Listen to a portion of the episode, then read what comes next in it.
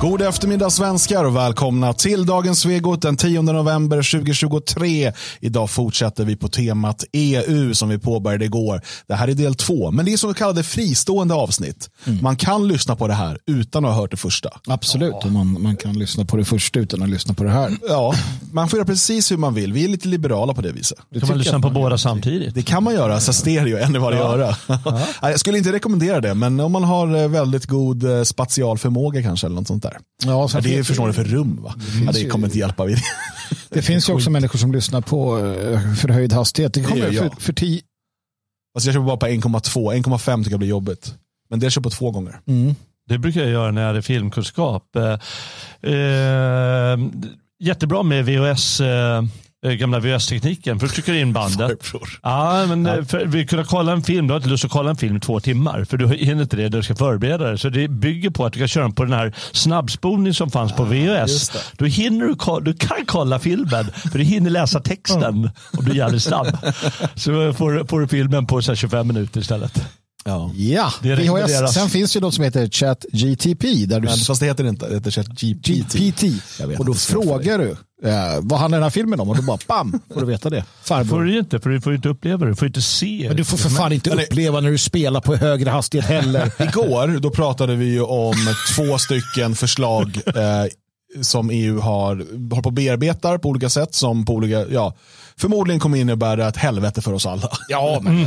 Mm. Så det kan man lyssna på då. Idag så ska vi prata lite mer om konstruktionen EU. Mm. Kolossen. Mm. Hur fungerar det där EU egentligen? Um, vi har lagt ganska många timmar på research och vi fattar fortfarande inte riktigt. Nej, det gör man inte. Alltså, ärligt talat, när du säger jag sådär har, så jag har alltså, vi. Jag har ju arbetat i Europaparlamentet och jag förstår inte hur det funkar. Men alltså, alltså, sanningen är ju den, och det ska ni förstå när vi pratar om det här, att du ska inte förstå hur det fungerar. De förstår inte hur Nej, det fungerar. Det är det som alltså, det, det, det, jag är helt säker på att det sitter en, en avdelning som alla har glömt bort någonstans i parlamentet och de vet inte vad de gör där heller. Det, det är ju inte superkomplicerat i grunden, men sen är det så många byråkratiska liksom, kugghjul runt omkring mm. som gör att det blir rörigt. Um, men vi ska försöka bena ut det på bästa möjliga sätt och framförallt titta på den här konstruktionen och se hur demokratisk är den? Hur mycket inflytande har man som vanlig svensk? Mm. Eh, liksom när man, vi har ju EU-val, det är väl ett nytt sånt, är det nästa år redan? Mm, redan nästa mm. år. Det är ofta det där valet. Det var femte år. Mm. Jaha, det var inte så ofta då. Ja, för, år, ja. för ofta som för, jag brukar säga när det är val.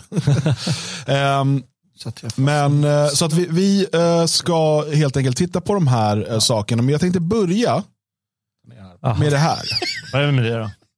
Ja, precis. Jag svär att jag ska vara helt oberoende i utförandet av mina uppgifter i unionens allmänna intresse. Att jag under min mandatperiod inte ska begära eller ta emot instruktioner från någon regering eller någon annan institution, organ, ämbete eller enhet att jag ska avstå från att agera på ett sätt som är oförenligt med mina uppgifter eller med min ställning som kommissionsledamot.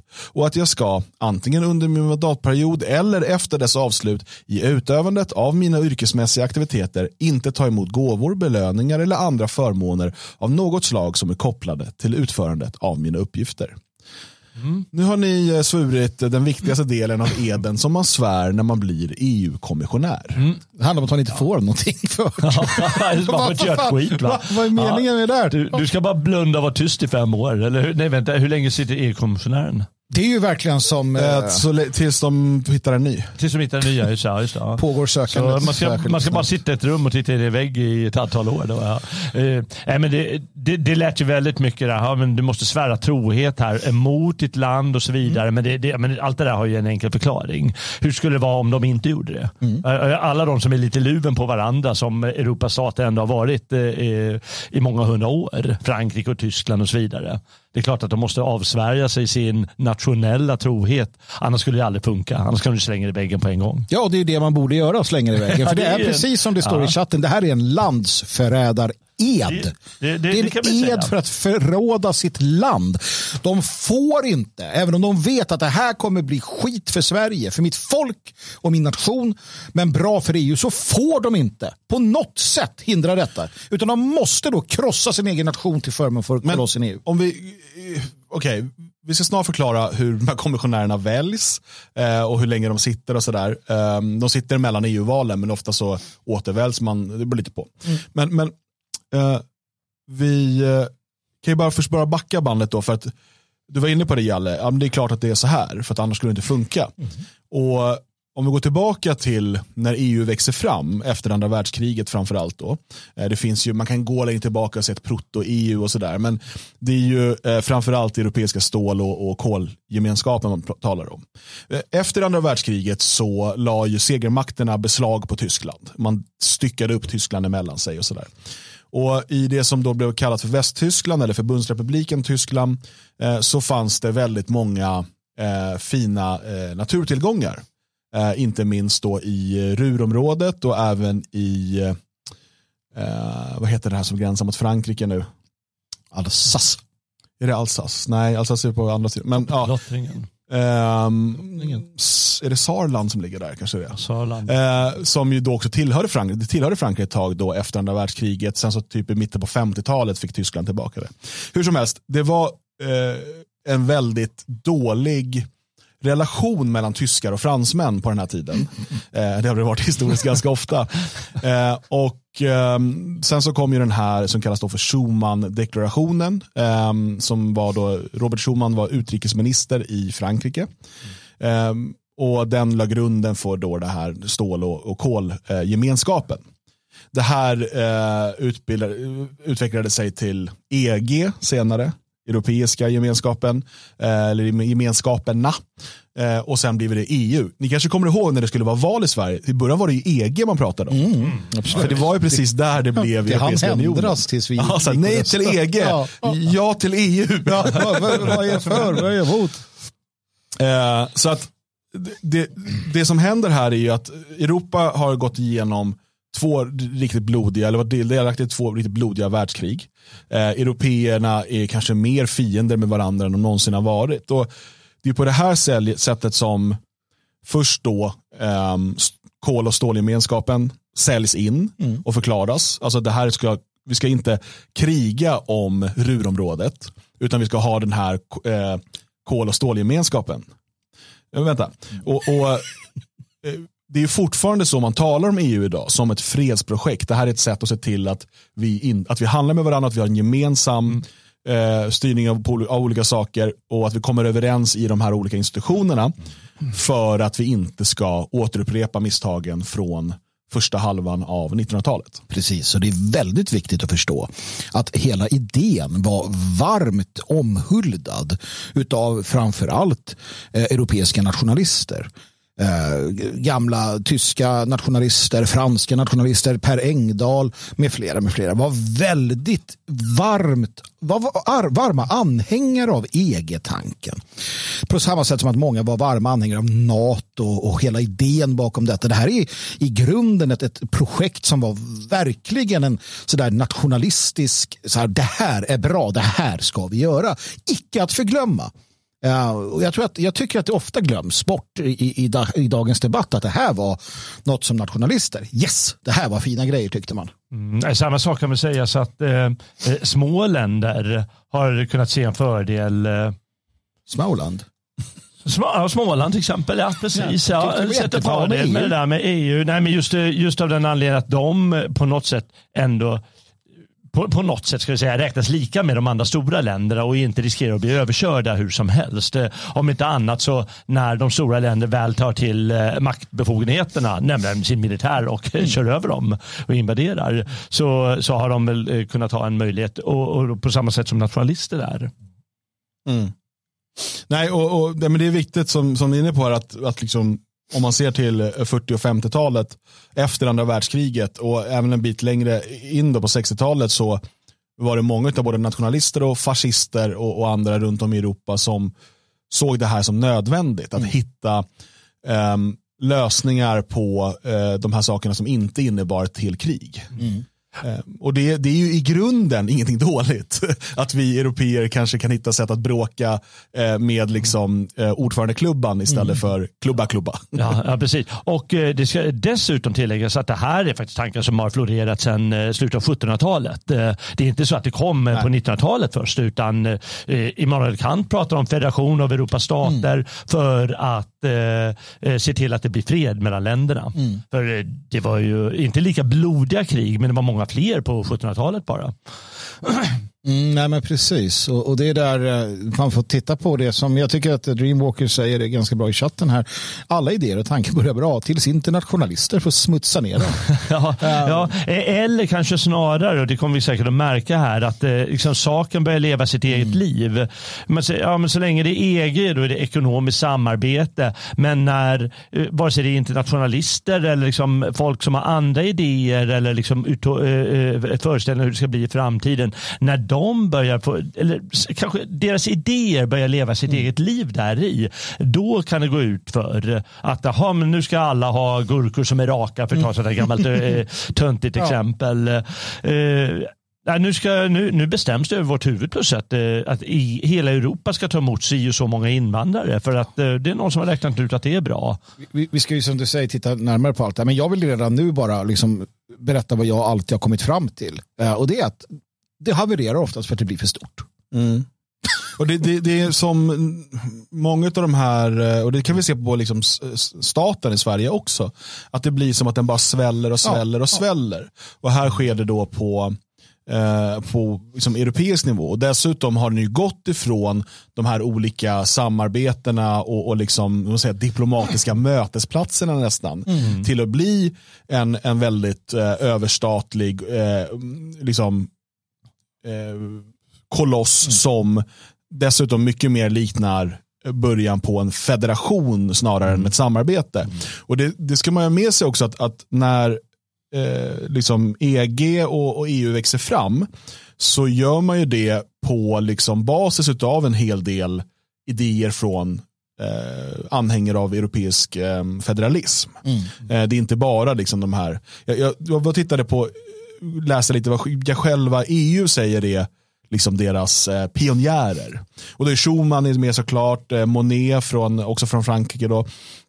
Men sen så tar de även upp en Ursula Hirschman. Mm, Ursula. Ursula Hirschman eh, var då en tysk-judisk eh, antifascist eh, som eh, hon, hon eh, flyttade runt lite under 30-talet och, 40-talet, eh, kanske inte så konstigt, eh, och hamnade i Rom till slut och hon var en av de som såg till att eh, sprida det som på engelska, jag vet inte vad det är på svenska, men Vento, Vento Tene-manifestet. Ja, det är ett uh, intressant manifest. Eh, och på, eh, på det, som det då har kallats för, Manifesto di Ventotene. Mm. Och det officiella namnet var eh, för ett fritt och enat Europa ett utkast till ett manifest. Men det kallas då för Ventotene-manifestet. Eh, och det här är ju i, hela det manifestet bygger ju på en, en, idé om en europeisk federation, ett avskaffande av nationalstaterna. Eh, och eh, Så att och hon eh, deltog också i grundandet av det som heter då den europeiska federaliströrelsen och hon har sen grundat lite, lite andra underliga eh, organisationer. Men hon ses ju av EU själva som en av pionjärerna. Mm. Eh, bakom EU. Jag vill också säga det i sammanhanget att det här är intressant för nu, nu sitter vi och kastar lite skit på federalismen. Det kommer komma. Eh, och det är lite så här, det gillar man ju inte riktigt. Det är inte bra. Å andra sidan så samma personer som, som känner så, de är ju väldigt eh, initialt i alla fall förtjusta över den federalistiska idén i USA. Alltså du hade The Federalist Paper, du hade idén om ett, en, en federation, ett sammangående, någonting, inte helt klart ja, vad det skulle bli. Men, men det, som det är inte direkt då, översättningsbart nej, heller. För att det, det är det inte. Men vi har idéerna, ett, ett, Europa av liksom hundratals nationer. Absolut, men idéerna kommer ju från Europa överfört till USA som plockas upp och används av lands, alltså de som sedermera då skriver konstitutionen och hela den delen. Det, det stöts och blöts och så blir det revolution och så går man in i det där. Sen blir det lite för mycket federalism och vi kan ju se i USA vad det leder till, den federala staten och de problemen. Så att ville man se vad som väntar ett federalt Europa, ja men då har vi ju det. Ja, men sen så finns det ju också, för nu sa jag 100 nationer, över 100, och då kommer ni säga, nej men så många länder finns det väl inte. Nej, för jag pratar om nation, nationer och Mm. eh, det var en liten parafrasering av eh, Jean Fourier som, som har det här eh, Europa av de 100 flaggorna, Mm. de 100 flaggornas Europa. Och han är ju europeisk federalist Mm. och regionalist. Och han, ser ju, han vill ju avskaffa, han är en stor inspiratör till identitärerna. Han vill ju då avskaffa nationalstaten och istället ha mer regionalt styre baserat på liksom etniciteter och så, alltså nationer. Eh, men samtidigt ha en europeisk federation som då samordnar dessa. Och det är ju ingen dum idé när jag tänker efter just nu. Försvar till exempel och lite annat. Fan, Alsace får vara Alsace. Men i Europa som står upp för sig själva. Men nu pratar, vi, nu pratar vi ju om idéer som diskuterades i Europa innan vi hade 40-50 miljoner eh, araber, afrikaner och så här. Som, man- det, Det är också. det, det är också en, en faktor att ta in till där vi är idag. Och det är ju absolut inte dit som jag tycker att EU har utvecklats. Jag ska, jag ska bara säga ett, eh, en sak, eller ett skäl till till att, eh, att man kommer på att det behövs ett EU och det är givetvis för att man ser vad som kommer hända i världen eh, med Ryssland som sen, eh, Ryssland Sovjet snarare. Man ser där är en alltså, gigantisk makt och USA som en annan gigantisk makt. Allt medan alla vet ju vad som kommer hända med Storbritannien eh, någon gång under 1900-talet, säg 1920. Alla vet ju vad så, vad, vart det kommer barka och samma sak med Frankrike, de stora kolonialländerna. Att det, det går inte utan för att det ska kunna hävda sig eh, på ett traditionellt sätt som de europeiska makterna har gjort så krävs det en, en federation. Det är jag ganska övertygad om att eh, de, vi ska inte kalla det grundarna, men några av idémakarna bakom det som blev EU har tänkt. Eh. Absolut. Det, det, det, det, det, det är ju det. Och jag tror att man måste också förstå att det finns väldigt många det är alltid lätt och det finns alltid en vilja att man ska liksom så här hitta att just det här är själva liksom pudens kärna, det här är planen, det här är viljan. Men jag, jag tror att vi också här måste acceptera det faktum att, att det är värre än så. Det finns många viljor. Ja, det det, finns många planer, plan. det finns många idéer, många förhoppningar. Som sagt, jag tror att eh, alltså, europeiska liberaler hade en idé medan europeiska nationalister de hade en helt annan tanke på vad det här skulle bli. Eh, sen hade du några kanske suspekta typer någonstans som satt hade en tredje idé. Va? Och någon hade någon manifest som de hade stankat ut någonstans. Och, och sådär. Så att, ehm, vi, vi, vi måste titta till de stora rörelserna och sen se vad, vad det blir av det hela. För att på samma sätt som eh, ni minns det här en gång i tiden var vänstern antiglobalister. För 10, 15, kanske 20 år sedan nu. Sen bara bytte de fot. Och på samma sätt så kan vi se EU också. Hur det kan bytas fot lite hit och dit och bli lite vad det kanske är. Men okej, ehm, vi får se om vi kanske idag hinner komma in mer på liksom bakgrunden. Jag ser att eh, flera, eller någon i alla fall i chatten skrev det här om Kalergi-planen och om vi ska pra- hinner prata om det idag. Annars blir det tredje avsnitt Ja, på måndag helt enkelt. Eh, för att eh, det är ju, vi pratade ju igår om de här nya lagarna som man vill driva igenom. Och då är det intressant att fundera på hur stiftas egentligen lagar i EU? För det är ju så att mer och mer makt har flyttats från nationalstaterna till Bryssel och Strasbourg, till Europa, eller Europeiska unionen ska jag säga. Och ehm, där ehm, i, i Sverige, man, man vet inte exakt för det, det är väldigt svårt eftersom att lagar influerar varandra på olika sätt. Men man pratar om allt från 50 till 70 procent av alla lagar stiftas liksom i eh, Bryssel och Strasbourg. Eh, utav allt som påverkar oss i Sverige. Eh, vilket gör ju att vårt parlament kan verka ganska mm, impotent.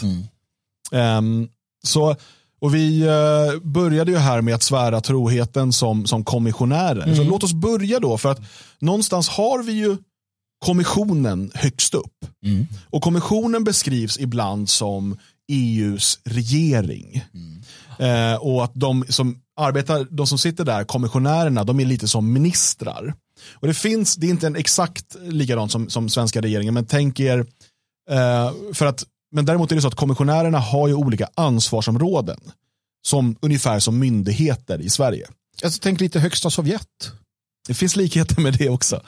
Eh, men då är frågan, hur blir man då kommissionär? Mm. Eh, för att en bra fråga. jag har ju aldrig fått rösta på en kommissionär vad jag vet. Nej.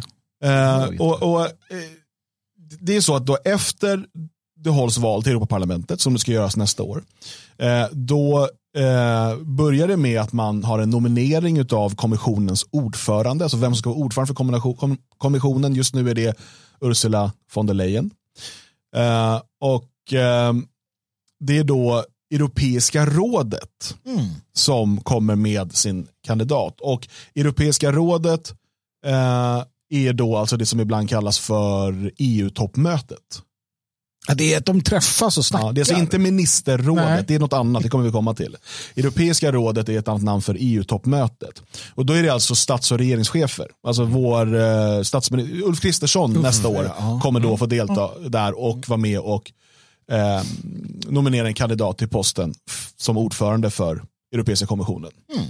Och eh, det, dels så finns det då inskrivet att det här ska på något sätt då återspegla resultatet av Europaparlamentsvalet. Alltså det måste vara någon från ett parti som har blivit störst i det land personen kommer ifrån mm. i Europaparlamentsvalet. Mm. Nu är ju då von der Leyen är kristdemokrat va? Eller är hon socialdemokrat? Nej det är hon inte, hon är kristdemokrat. Ja. Mm. Och, Um, och så, så, nomineras då uh, den här personen och så ska det vara en kvalificerad majoritet i Europeiska rådet. Sen ska den här ordförandekandidaten godkännas av Europaparlamentet med majoritet. Och parlamentet är det, det är de vi får rösta på. Precis, mm. vi väljer ju då i Sverige, tror vi har 90 13 platser nu. Um, där vi då, och det är då Europaparlamentsledamöterna. Här får de sen då godkänna kommissionens ordförande. Mm. Där har vi inflytande, en stark röst, 19 persen då. 19 av, nu har jag inte de siffrorna i huvudet så lite dum, men det är, det är fler än 349 i alla fall. Aha. Det är 600 eller någonting som sitter där. Ja, uh, eh, så att det är inte jättemycket inflytande. Men um, det är också så att vår då regeringschef ska ju också då vara med och nominera här. Mm. Så det är så man tycker att det här har då ett demokratiskt mandat. Um, och sen när ordföranden är vald, då ska varje EU-medlemsstat nominera en kommissionär. Och eh, Den som är EU-kommissionär just nu är ju då eh, den, den härliga kvinnan vi pratade om igår, nämligen Ylva Johansson. Mm. Och eh, ska vi säga, innan henne så var det då Cecilia Malmström. Mm. Och det var ju då under Reinfeldt-regeringen. Mm. Så då var det ju Reinfeldt som fick vara med och liksom nominera för, för Sverige. Innan det var det då Margot Wallström. Mm. Och det var ju då under Göran Persson-regeringen. Mm. Eh, och innan henne så var det Anita Gradin som också socialdemokrat. Och det var också Göran Persson-regeringen. då. Från matriarkatet Sverige. Så vi har haft fyra kvinnor. Eh, och um, ja, Jag vet inte om ni är nöjda med någon av dem. Anita Gredin, Margot Wallström, Cecilia skämt, Malmström och nu Ylva Johansson. Då. Det är ett skämt. Det är ett skämt att sätta de här människorna där. Alltså, det är på riktigt ett skämt. Oduglingar hela högen. Mm. Ja, det, är inte, det, är inte, bara för att, det är inte bara för att de är kvinnor. Det är främst för att de är sossar. Ja. Ja, Malmström är hon liberal. Va? liberal. Mm. Um, och de här kommissionärerna då som ska svära den här eden sen de går igenom en typ av utfrågning i parlamentet och eh, sedan måste eh, Europaparlamentet godkänna hela kommissionen. Alltså Det här är så intressant för att inte då godkänner ni Ylva Johansson mm. utan godkänner ni kommissionen mm. som en helhet. Mm. mm. Och då måste man ju tänka att det sitter väldigt många som har sin partikamrat som en ur mm. kommissionen. Eller någon ur deras allians åtminstone mm. i kommissionen.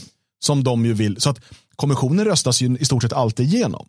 Ja, det är smart av dem. Det är smart av dem. Istället för att du plockar ut varje kommissionär mm. kan den här godkännas av parlamentet. Mm. Ja, här menar jag, om vi pratar om den demokratiska legitimiteten, mm. att det blir ett problem. För att jag tycker att man bör, i sådana fall, om man ska ha kvar det här systemet, då bör man rösta om varje kommissionär. Att parlamentet får ta ställning till varje kommissionär. Jag förstår att det kanske är lite krångligare, mm. men att ta ställning till ett helt paket av kommissionärer jag, jag, tycker inte att man får den riktiga liksom, genomlysningen då. Ja, förlåt, hur ja. kommer ni ihåg det? Malmström, de har skickat, skickat oss en dinosaurius. Var det hon ja? En dinosaur. En dinosaur. dinosaur det var så fel.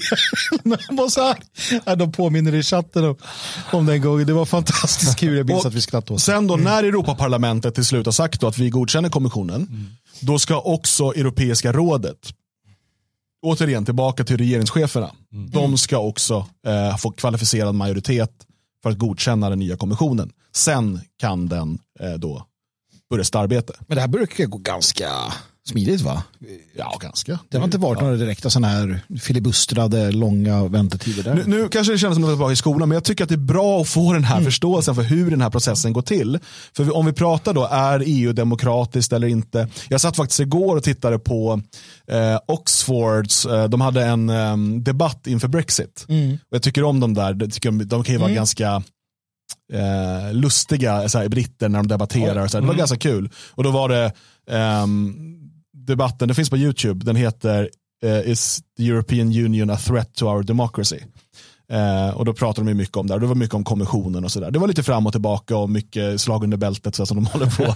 Bra. Ordvitsar och vad de håller på med där, britterna. Eh, och jubel och applåder. Så här. Det, det är ganska kul, kan jag rekommendera om man är intresserad av det. Men när, det är ju, när vi kollar hur den svenska staten fungerar och riksdagen så är det ju så att vi röstar inte på ministrar. Nej. Utan vi röstar in ledamöter som i sin tur sen då ska bilda en regering eh, och regeringen utser eh, ministrar. Mm. Alltså, eller regerings, den som får chans att bilda regering eh, utser då ministrar som ska utgöra regeringen. Just Och sen ska den regeringen då godkännas av riksdagen. Och det här är ju precis egentligen som det funkar i eh, EU. Så egentligen så är kommissionen inte mycket konstigare ur en demokratisk synvinkel än den svenska regeringen. Nej, och det säger ju allt. För det är ju inte, det är, jag tycker att det är stretch of eh, democracy. Ja, men det är väl all, all demokrati. Och det är det är min stora kritik av den. Det är därför den måste avskaffas i sin nuvarande form. För den är helt odemokratisk. Hur skulle den... Det vet jag inte. Nej, nej vi ska inte, det blir för, eh, för Hur krångligt. skulle den kunna se ut? Okej, men jag tror att har alla fått med sig nu hur kommissionen väljs och hur Yes. kommissionen och sådär. Ja, pappa. Nu går, vi till, nu går vi till jobbet. Nu går vi till jobbet. Hur gör man då? Ja, precis. Hur jobbar de här egentligen? Och Det finns ju precis som i, eh, i riksdagen då, så finns det ju en massa olika utskott och olika ansvarsområden och sådär. Det heter andra saker, någonting med dektorat eller sådär. Ja, då, direktorat. Direktorat det är också det. någonting som, det är sen sovjetiska Ja, det, är, det är begrepp som är lite obehagliga. Det, går ju tillbaka till franska revolutionen rent av. Ja, protokommunisterna i franska det revolutionen. Precis. Nej, inte kalla det vad jag vill. Jag kan inte kalla det för proto-nationalsocialistisk, för den var proto-bolsjevikisk. Och därifrån kommer också användandet av orden. Du har helt rätt. Det finns ju delar av franska revolutionens eh, regering som inte var... Ja, eh, delar det. Men eh, själva grundtanken, absolut. Måste- Absolut. Men då tänker jag så här, det som man eh, bland annat då gör i EU, det är ju att stifta en massa lagar som har en himla massa inflytande över oss. Ja. Eh, och Då kan man ju fundera lite på hur det går till. Eh, och Jag ska se om jag kan få upp en bild där. Nu verkar ju min dator... Är det någon som har varit, hållit på med den här datorn eller? Jag hänger i han direkt. Ja, Jag hänger i jag- han direkt. Äntligen kan jag Jag peka bara ut någon öppnat ett annan. program, jag är helt oskyldig. Han stod, och, han stod och svettades när han höll på. Jag kan säga det. Jag stod och tittade på honom. Ja. Det är han. Det är den här farbrorn. blir, det blir stryk. Vi tar det efter sändning, eh, för nu har jag löst det. Bra. Eh, och då är det så här, hur går det till när, en, när, eh, någonting, när ett, lag, en, ett lagförslag ska passera genom EU? Och då är det så att lagarna initieras, att de som kan ska säga, stifta nya lagar är EU-kommissionen. Alltså kom, den vi pratade om alldeles nyss. Mm. Och de lägger fram ett lagförslag Mm. som då dels behandlas av Europaparlamentet men också av rådet. Men nu är det inte längre Europeiska rådet vi pratar om, inte EU-toppmötet, utan ministerrådet. Mm. Och man kan se ministerrådet och parlamentet som överhus och underhus ungefär. Man ska liksom balansera varandra. Och ministerrådet består ju av en minister egentligen, det brukar vara, jag tror att det är utrikesministern eller EU-ministern då i Sveriges fall, som eh, från varje medlemsstat. Så det är inte minister för det området utan det är en minister för alla. Är det sjukvård eller om, om det har... Nej, utan det är precis, utan du är en som då är, representerar Sverige i ministerrådet. Okej. Och för att en lag ska gå igenom så måste den godkännas av både parlamentet och ministerrådet. Så om vi nu, nu, kommer vi kanske låta som EU-vänner här, men jag måste liksom förklara för att eh, det är lätt att missförstå de här sakerna. När vi ser den här strukturen och hur, hur det sen går igenom Europaparlamentet och eh, ministerrådet, eller rådet för Europeiska unionen, Just det. inte att eh, blanda ihop med Europeiska rådet alltså. Mm, mm, mm, mm. Eh, när vi ser eh, hur, eh, hur den här processen går till så är det kanske inte så konstigt, precis som Jalle var inne på, att de i kommissionen måste avsvära sig troheten till sitt land och bara liksom arbeta på EU-nivå. Eftersom att senare i processen så blandar det såväl in ledamöterna som ministrarna. Och de måste hur som helst godkänna förslaget. Och de ska ju ha sin medlemsstats eh, bästa för ögonen. Mm. Nej, men det här är ju checks and balance. Alltså, det, det är ju det som är inbyggt i systemet. Ja, och, och, det har ju de alla demokra- så kallade demokratiska staterna. Det är inbyggt, det är inbyggt i Sverige, det är inbyggt i Storbritannien, det är inbyggt i alla de olika liksom, demokratiska formerna. Och, och som, som vi var inne på tidigare också, det, det, mycket kan se fint ut på pappret. Alltså absolut, och flödesscheman och sådär. Och, och, så, Jag har gjort ett flödesschema, då måste det vara bra. Ja, precis. Alltså, den pyramidala strukturen ser också fin ut. Och en kille där, han bara säger åt folk och så bara blir det skitbra på botten. Så blir det inte alltid det. Nej, men jag tänker att nu har vi liksom bara, det det här är ju, ehm, jag tycker att man behöver den här förståelsen för att säga hur fungerar kolossen EU. Återigen, det finns massa olika utskott och massa olika arbetsgrupper och, och byråkrati eh, in absurdum. Eh, men det här tycker jag, det här är liksom själva grunden för hur eh, parlamentet fungerar. Hur väljs de? Alltså, Okej, vi vet nu, parlamentsledamöterna väljs i EU-valet. Efter EU-valet så väljer eh, varje eh, land att nominera en kommissionär och eh, tillsammans väljer också då det här rådet att nominera kommissionens ordförande. Sen när allt det här har godkänts, då kommer det eh, lagförslag från kommissionen som måste godkännas av parlamentet och det måste godkännas av ministerrådet. Och då kan det gå vidare. Sen kan det också prövas mot Europadomstolen för att se att det är liksom, eh, att, det, att den är fi- fin och rätt lagstiftningen, Precis, att den inte precis. bryter mot några lagar och så. Ehm, och det, det är liksom grunden i hur det här funkar. Så, kära vänner, varför är ni så skeptiska till EU? Det här låter ju faktiskt som ett jättetrevligt samarbete av demokratiska stater som eh, tillsammans då istället för att ha ihjäl varandra beslutar om saker på det här viset. Ja, nu får du Magnus. men jag, har, jag har en, en sån här eh, ganska självklar men ändå ofta förbisedd princip. Hur nära oss är de? Och det är det här som är problemet. Det kallas då för subsidiaritetsprincipen. Subsidiaritetsprincipen. Subsidiaritetsprincipen. Alltså, det innebär ju att om vi ska bygga någonting här i Elgarås så är frågan, vem är bäst lämpad för åtminstone initialt liksom, titta på det här? Vi som bor här eller de som bor i Bryssel? Och, och jag kan förstå att de som bor i Bryssel eller de som bor i Stockholm, alltså politiker, också kan titta på frågan. För det kan vara frågor som har vidare konsekvenser för miljö, för säkerhet och så vidare. Jag, jag är inte främmande för det. Men här så pågår en kontinuerlig maktförflyttning från de lägsta nivåerna, alltså de nivåerna längst bort, till det här eh, parlamentet och allting. Och det är egentligen den, den, det är min främsta kritik, eh, om jag tar det, utav hela den här och alla andra dylika eh, kolosser. Det var min. Eh, ja, men det är ju samma invändning. Det är, alltså, jag, tror att om man, om man tittar på vad politik går ut på i ett eh, väldigt stort eh, perspektiv, långt historiskt perspektiv, så, så handlar det väldigt mycket håll människor borta från det. Jag, menar, jag ska inte tro att stormaktsväldet var särskilt eh, sugen på vad någon jävla smålänning tyckte och tänkte om någonting. Eller någon nisse från Elgarås. Och antagligen så känner de samma sak här. Eh, och med en sån här stor koloss då kommer man ju väldigt, väldigt långt från folket. Eh, eh, nu kan det ju vara så att Elgarås funkar alldeles utmärkt eh, oavsett vad de beslutar borta i Bryssel. Eh, men någonstans mår man dåligt av det. Nu kommer till en gräns där man tycker att det här är, det är ändå obehagligt på något vänster. Jag vill, eh, vill ha lite mer känsla för eh, vad det går ut på. Det är därför så många säger att saker beslutas över våra huvuden. Och någon gång så tycker vi att det där fan det är inte skönt. Mm. Vare sig vi bor i stormaktstiden Sverige eh, eller under Gustav Vasa då, då landsändarna gjorde uppror med jämna mellanrum. Mm. Eller vi är i EU nu. Mm. Och eh, någon gång blir det obehagligt. Och den andra är som jag sa i början att, att vad, vad de skapar, de vet ju inte vad det är de skapar. Och det är därför man kallar det ett monster idag. Mm. Och det är nämligen att det blir ett monster till slut. Inte nödvändigtvis på grund av storleken men ofta på grund av det. Utan man sätter igång en maskineri man inte kan styra. Och det kom, tillkommer så många vidriga grejer som i och med att de tänker att men folket ska inte ha med det här att göra, annars kan vi inte styra. Va? Så nu kör vi bara. Till mm. exempel det här med massinvandringen, det funkar ju inte. Mm.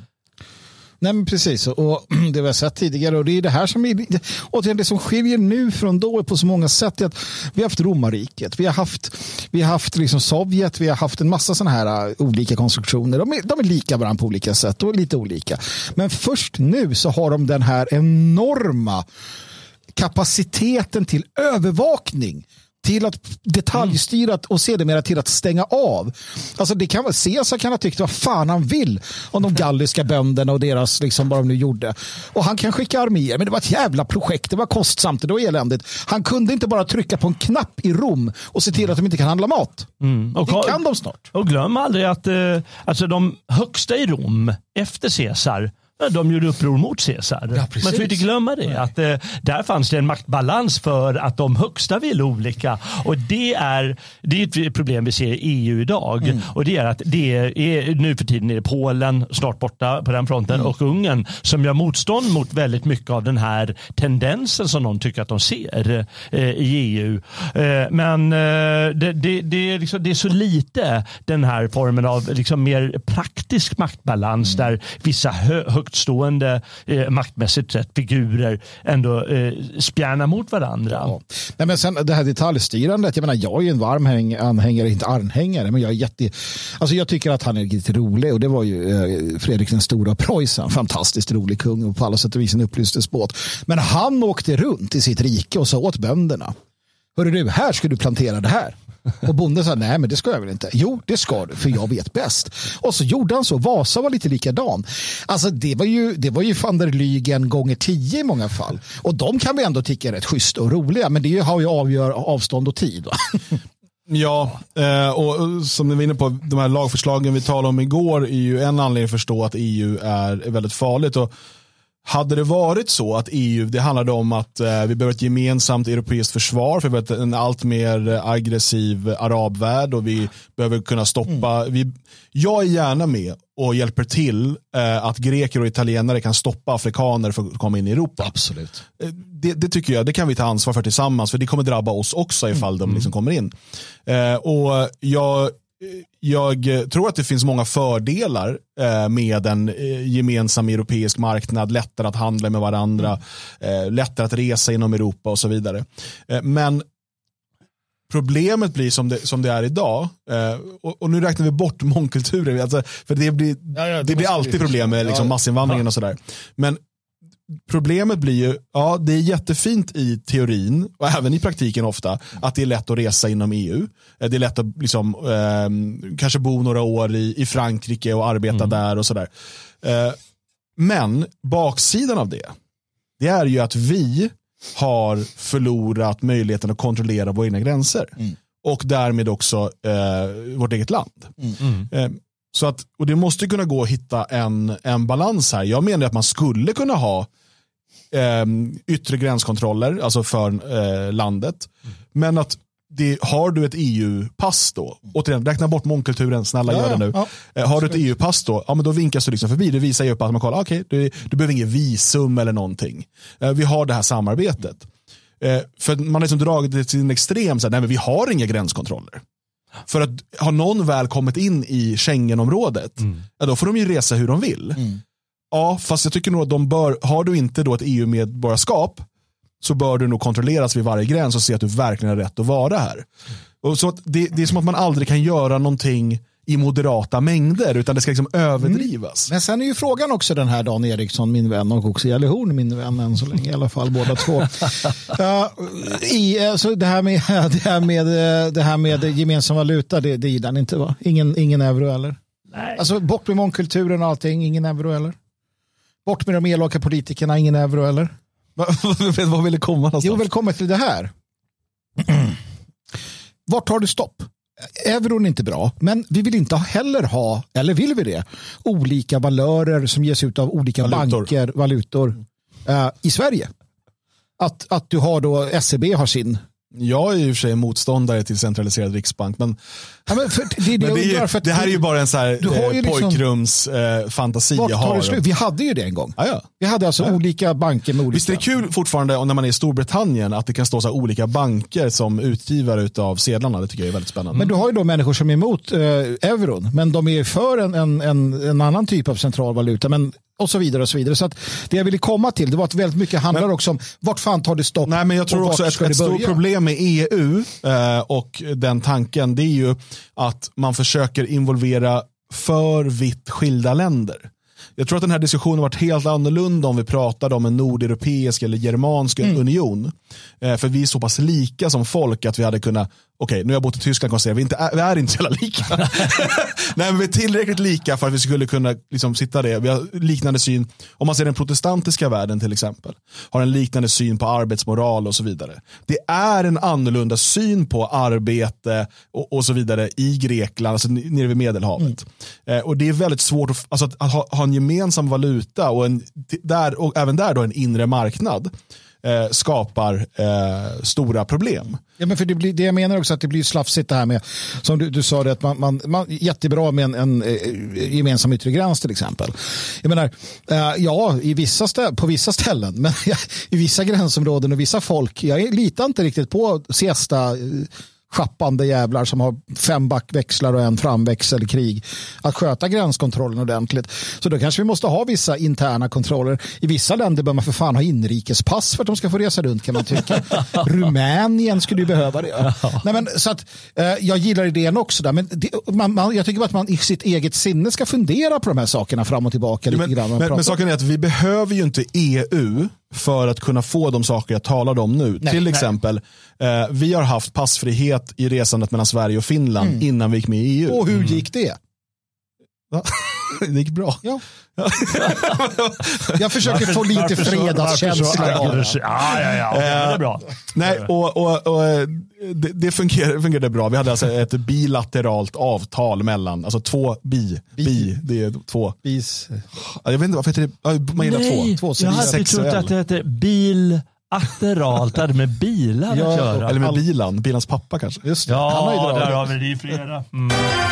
Har du kvar den? Nej, kvar den. Han drog ju. vi i har tagit bort jingeln. Snodde han jingeln också? Jag drog den jäveln. Det är ju fan. Ja, den är borta. Ja, Säger det, man kan inte lita på Nossman. Det kan man aldrig göra. För er som eh, kollar första gången, eh, det är ett segment som inte finns kvar längre.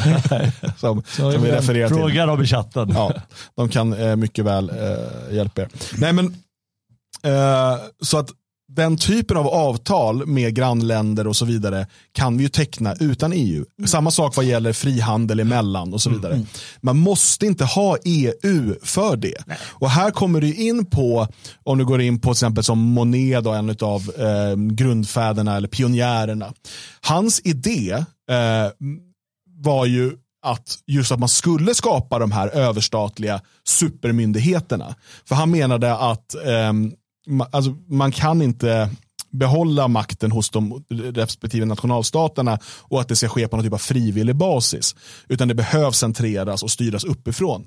Eh, och han är också en av EUs pionjärer. Men, men Frankrike har ju väldigt, väldigt länge varit eh, väldigt centraliserat. eh, Liksom går flera hundra år tillbaka i tiden. Ja, det, det är inte, alltså, så. inte konstnären Monet, ska jag säga till chatten.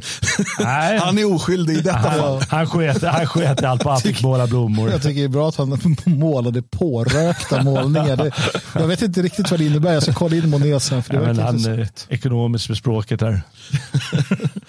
Ja. Eh, Precis. Nej, men för att, och, och tittar vi nu på vad som håller på att hända med EU eh, och, och vi har sett hur liksom sagt, mer och mer makt flyttas dit. Det betyder att eh, alltså subsidiaritetsprincipen mer och mer gås ifrån. Att man i EU ska bestämma, nu tog man extremexemplet här så har vi hur rak en gurka får vara. Eh, men, men det finns ju liksom saker angående vår mjölkindustri, allt möjligt som regleras därifrån och det är helt absurt. Det ska ju såklart svenska bönder avgöra själva. Eh, men så det är det ena, att, att allt mer makt flyttas dit. Dessutom utvidgar ju EU eh, hela Ja, tiden, ja, och framförallt ja. österut, vilket såklart är en geopolitisk strategi gentemot Ryssland och Kina, jag fattar det. Men vad innebär det för EU? Och om vi tittar nu på det som håller på att ske, där man nu, ehm, nu ska alltså Ukraina och Moldavien gå in i liksom, skarpa EU-förhandlingar. Och Det här är någonting som då välkomnas av eh, von der Leyen till exempel.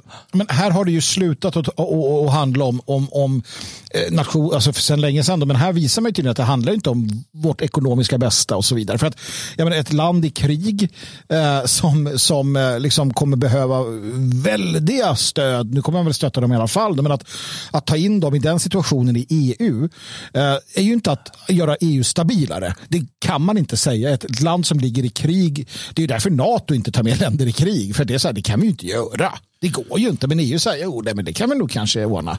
Medlemskapsförhandlingar har ju redan inletts och pågår ganska länge med eh, Turkiet. Eh, sen har man också med Montenegro, Serbien, Albanien och Nordmakedonien, eller som det egentligen heter, Skopje. Precis. Jag är på grekernas sida här. Din gamle grek. Ehm, och eh, man har då ännu inte inlett förhandlingar med Ukraina, Moldavien och Bosnien-Hercegovina. Däremot vill man ju då göra det med Ukraina och Moldavien. Och det är ju liksom steget innan de kan bli medlemmar. Då är man liksom uppe på, då, är man, då har man sån här, ehm, först, är man ju, först är man hangaround. Nu, nu blir de eh, Prospect. prospects till EU-gänget. Då får de en ny patch på sina västar. Precis. De får bara halva stjärncirkeln. Den andra topp. De får bara en gul stjärna. Ja, så här får ni gå runt ett tag nu.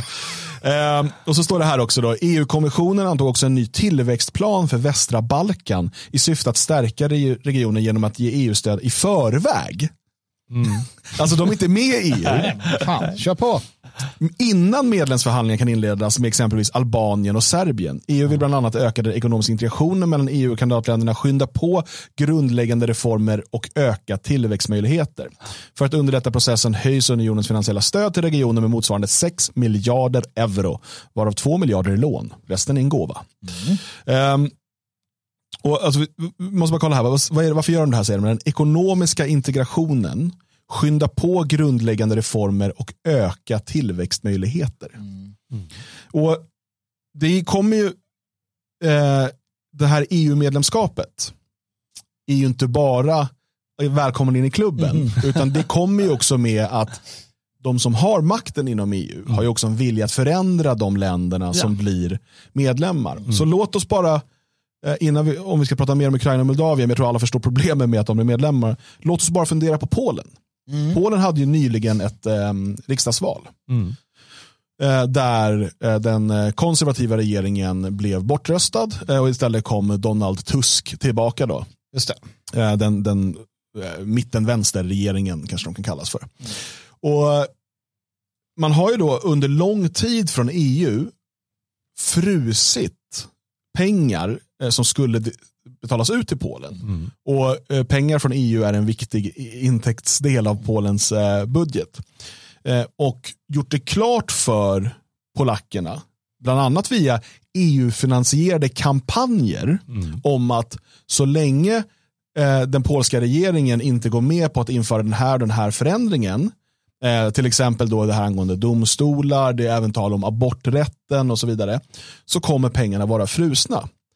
De går inte ut och säger rösta på Donald Tusk med de här EU-pengarna, men det alla förstår är att får vi bort lag och rättvisa och Donald Tusk kommer eh, att få bli eh, president igen, då kommer eh, vi få en jäkla massa pengar av EU. Det är så många miljarder som ligger och väntar. De här ska betalas ut så fort polackerna har ändrat sig. Ja. Och då började vi, igår pratade vi om de här lagstiftningarna, vi pratade om so, lite grann om så här socialt kreditsystem och så vidare som kan kopplas till det. Det här är ju en typ av socialt kreditsystem, Helt klart. fast på liksom medlemsstatsnivå. Mm. Mm. Där om du inte anpassar dig efter den korrekta värdegrunden så eh, har du inte rätt till de eh, bidrag och finansieringar från EU som du normalt sett ska ha rätt, rätt till. Utan då måste du uttrycka rätt åsikter och forma ditt land så som framförallt då Frankrike och Tyskland eh, vill. Och det, det där är ju det vidriga. Det, de visar ju ett maktspråk som, som inte fanns på 70-talet till exempel inom EU. Eh, där, man, där, där man gör på det här politiska sättet. Det är ju ett, eh, ett sätt att hijacka Polen politiskt eh, från eh, EU-toppsidan. Och, eh, menar, det, det, och, och, som du säger, om man tar det och fortsätter, hur ska lilla Montenegro, hur ska de på något sätt kunna hävda sig? men det är helt fruktansvärt. Och du ska påminna om vad som, eh, vad, vad som hände i, i Tyskland efter återföreningen. Ja, men de kämpar ju fortfarande i öst och det är jättemånga i, i öst som ser sig fortfarande överkörda fullständigt genom att eh, lova nej, det kommer bli jättebra alltihop. Men i längden så, så handlar det bara om någon sorts utnyttjande. Och Det är så många som ser det där. Och det, det är precis vad som har hänt i Polen nu. Det kommer bli ännu värre i Montenegro. De, de har riggat systemet. Va? Och jag menar, det man måste tänka på här är ju, ta, ta till exempel, vi pratade om det inledningsvis då med svensk representation, 14 stycken eller vad det var.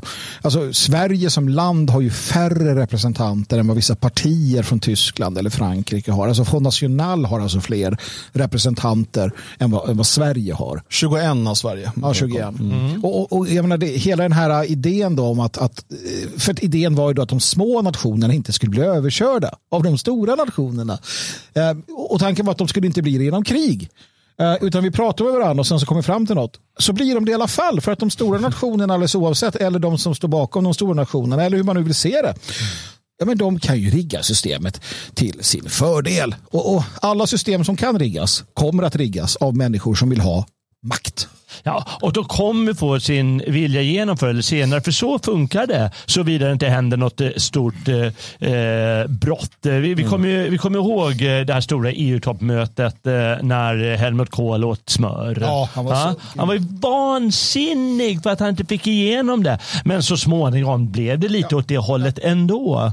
Och så kommer det bli på alla fronter. Man måste bara klart för det. Det följer en ganska naturlig logik. Mm. Såvida det inte inträffar något konstigt runt om i världen där där, där det plötsligt eh, brakar samman eller liksom delar av det vittrar bort eh, eller något sånt. Så det, det, det kommer att hända och det kommer bli mer och mer maktutövning från eh, Bryssel och mindre och mindre i de svenska landsdelarna. Det är, det är ofrånkomligt och, och, och därigenom samtidigt som de lovar motsatsen mm med de här subsidiaritetsprinciperna som uppenbarligen inte stämmer. Jag kommer ihåg att vi diskuterade det där inför 95. Mm. Ja, så, så det kommer gå den vägen och det är liksom bara löjligt tro motsatsen. Men de säger nej, nej, vi är superdemokratiska. Det är så larvigt. Det är dags att slänga det där ordet soptunnan. Alltså de, de överläm makten överlämnas inom ramen för systemet. Det att i, mm. i, i, man, man är beredd att överlämna till, alltså van der Lygen överlämna till någon sosse som överlämnar till någon annan sen vad det rider. Och det, det, är bara, det som händer är bara ett tecken på att det som händer är som det alltid händer. Makten ger aldrig bort sin makt gratis. Det, det finns inte. Någonsin eh, så har makten över människor lämnat över, givit bort och sagt nej men för fan testa något nytt folket. Men okej, okay, Sverige har 21 ledamöter av 705. Eh, och då, då blir vi så här, gud vi har ingen makt där. Nej. Det är dåligt. Ja. De storländerna de har ju massa makt. Ja. Storländerna säger tvärtom. Ni har ju mycket mer makt än vad vi har. Mm. Ja. Varför, varför säger de det tror du? För att det är någon, någon, någon procentuell representation, partistrukturer. För grupper. att per capita så har vi fler ledamöter än Tyskland. Så har vi fler ledamöter än Frankrike. Ja, men det är ju bara ja, men, ja, fast så är det ju inte när du tänker på svensk nivå. Nej, men det, är ändå, det, det blir tramsigt för att de har ju fortfarande mer makt. Jo, jo, men om du ser det ur en hel europeisk nivå, till exempel. Malta har sex ledamöter. Eh, Malta har alltså en befolkning på, jag kollade upp det här, eh, ska vi se, 535 000. De har alltså mer, mer än en ledamot per 100 000 invånare. Mm.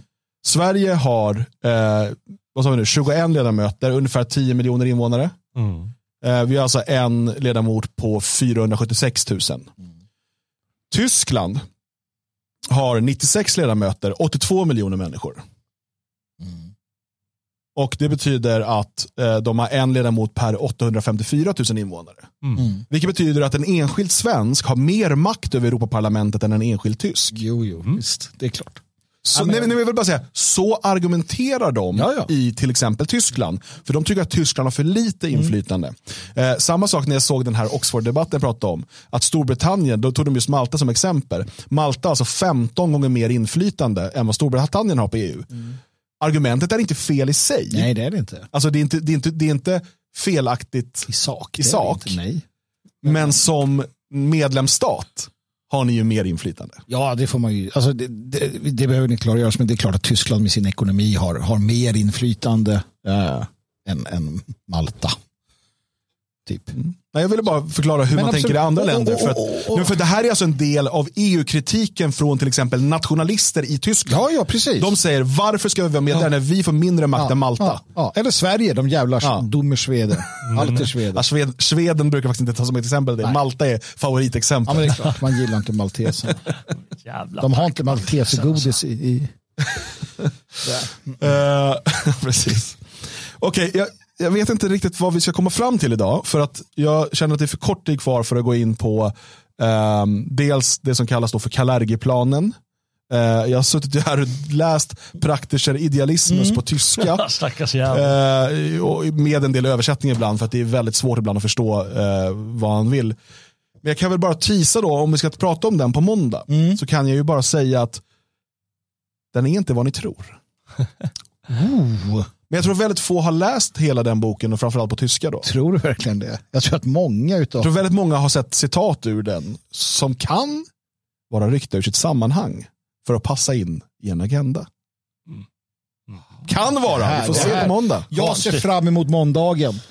ja, gör jag. Och då tänker jag att vi också ska prata om vad kan vi göra? Ja, För att eh, vi, det vi konstaterar här det är att för, igår gick vi igenom de här förslagen som är eh, hårresande, som är på väg igenom. Idag kollar vi lite på hur strukturen ser ut, eh, utvidgningen av EU och eh, problemen som, eh, som vi ser med det. Och vi pratade om alternativ till EU, alltså bilaterala avtal med, med grannländer och att det fungerar minst lika bra när vi tittar på hur Sverige och Finland och egentligen hela eh, Norden har eh, fungerat tidigare. Men det är fortfarande så att det finns också en realitet vi måste förhålla oss till. Och den realiteten är att vi kommer vara medlemmar av EU för en ganska lång tid framöver. Åtminstone liksom 10, 15, 20, förmodligen betydligt fler längre än så. Men jag, kan lova att vi kommer vara medlemmar i EU i minst 15 år till. Det vågar jag lova. ja. Annars eh, får du ett Kinderägg av mig. tack. Tack så mycket. Eh, och under den tiden måste ju vi fortsätta att göra saker och göra det så bra som möjligt för oss, för vårt folk, för våra familjer. Men hur, Dan Eriksson? Hur? Ja, precis. Ben Hur. Han... eh, det tänker jag att efter vi har pratat eh, Kalergi-planen eh, och eh, liksom, säga, uppkomsten av EU, vi var inne lite på det idag med Monet och Schumann och eh, Hirschman hette hon va? Kirchman heter hon. Mycket man i slutet på namnen där. Eh, så det är för att det är så mycket tyskar. Vet. Ja, ja men det är det. Är det. det är. Ehm, så pratar vi om det. Liksom. För att det finns saker vi kanske kan göra redan idag för att slänga av oss en bit av EU-oket. Just det. Spännande. Va? Ja, vad det spännande. Ja, Ja, det fram emot. nu, nu, då är det, ja vad är det heter? Uh, ska se om, det är någon, om vi kan plocka någonting från chatten här innan vi avrundar. Liquid Snow skriver trycket för Swext kommer att växa de närmaste 15-20 åren. Ja, kanske. Jag tror, jag, tror inte, jag hoppas det.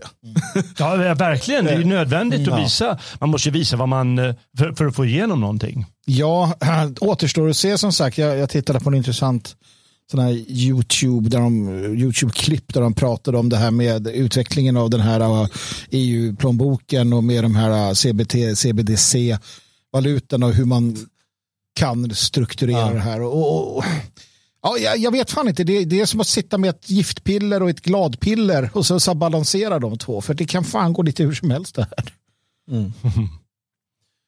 kommer en fråga här från chatten. Vad tycker ni om federalism i Sverige? Jag håller ju på och försöker starta alltjämt en tidning som ska heta Federalistpappret. Federalist Paper. Det är för federalism mot nationalstat men också för regionalism.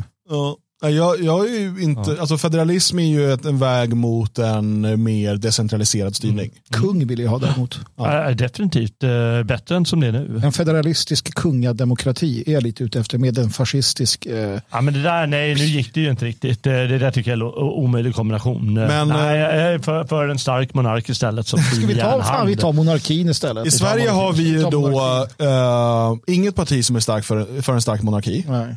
Men vi har ett parti som är för federalism faktiskt. Mm. Mm. Centerpartiet. Så grattis Fredrik Federley, Magnus Söderman. Men vi eh, sa just att vi, vi ska starta The Monarchist Papers. Vi är monarkister, starka monarkister. Jag vet inte hur man hälsar som monarkist. Så här. komsi, komsi, komsi. ja. Magnus föredrar vilda västern framför EU. Ja, men vilda västern var inte särskilt vild, men det var västern och det var bra. Det, då, jag tror att det sköts fler människor per capita då än vad det gör i, per, i svenska förorter per capita jämfört med vad då per capita? Vilken jävla capita pratar vi om nu? Vem, vem är den där capita? Ja, vem är capita? Ja, det där låter som en Ylva Johansson-fråga. Det finns en jävla bra låt med jävlar anamma om att okay. man vill leva som i vilda västern. Den kan ni lyssna på ikväll. När Ska vi avsluta med den? Ja, men det tycker jag vi kan göra. För att det visar alla... Pickadullerman. Det visar alla bra aspekter av vilda västern. Ja. Lyssna på den. Det är fan ta en instruktionsmanual till helgens eskapader mina vänner. Som jag, Magnus Söderman, jag tar avstånd. kommer ge mig ut på. Jag tar avstånd. Jävlar anamma. Vilken dulverman. Eh, men men eh, jag tänker att vi, vi tar och avrundar där så att vi har, vi har nog med stoff för en tredje del. På det har vi utan tvekan. Ja. Uh, och um, Sen får vi se vad vi tar vägen i livet. Mm. Hörrni, om ni inte har gjort det, se till att boka in er på sexårsfesten om två veckor är det bara. Det är sista anmälningsdag här nästa fredag, mm. men då, då är det kanske inte finns biljetter kvar. Det vågar jag inte svara på. Um, in på detfriasverige.se så finns det en banner högst upp eh, eh, som du kan klicka på för att eh, delta. Nu eh, tackar vi för oss för idag och avslutar helt enkelt och önskar god helg. Vill du säga något? Nej, absolut Nej. inte. Vi avslutar med Pickadulveman av Jävlar anamma. Yeah, yeah, yeah. Vi hörs! Ni kan få se oss dansa.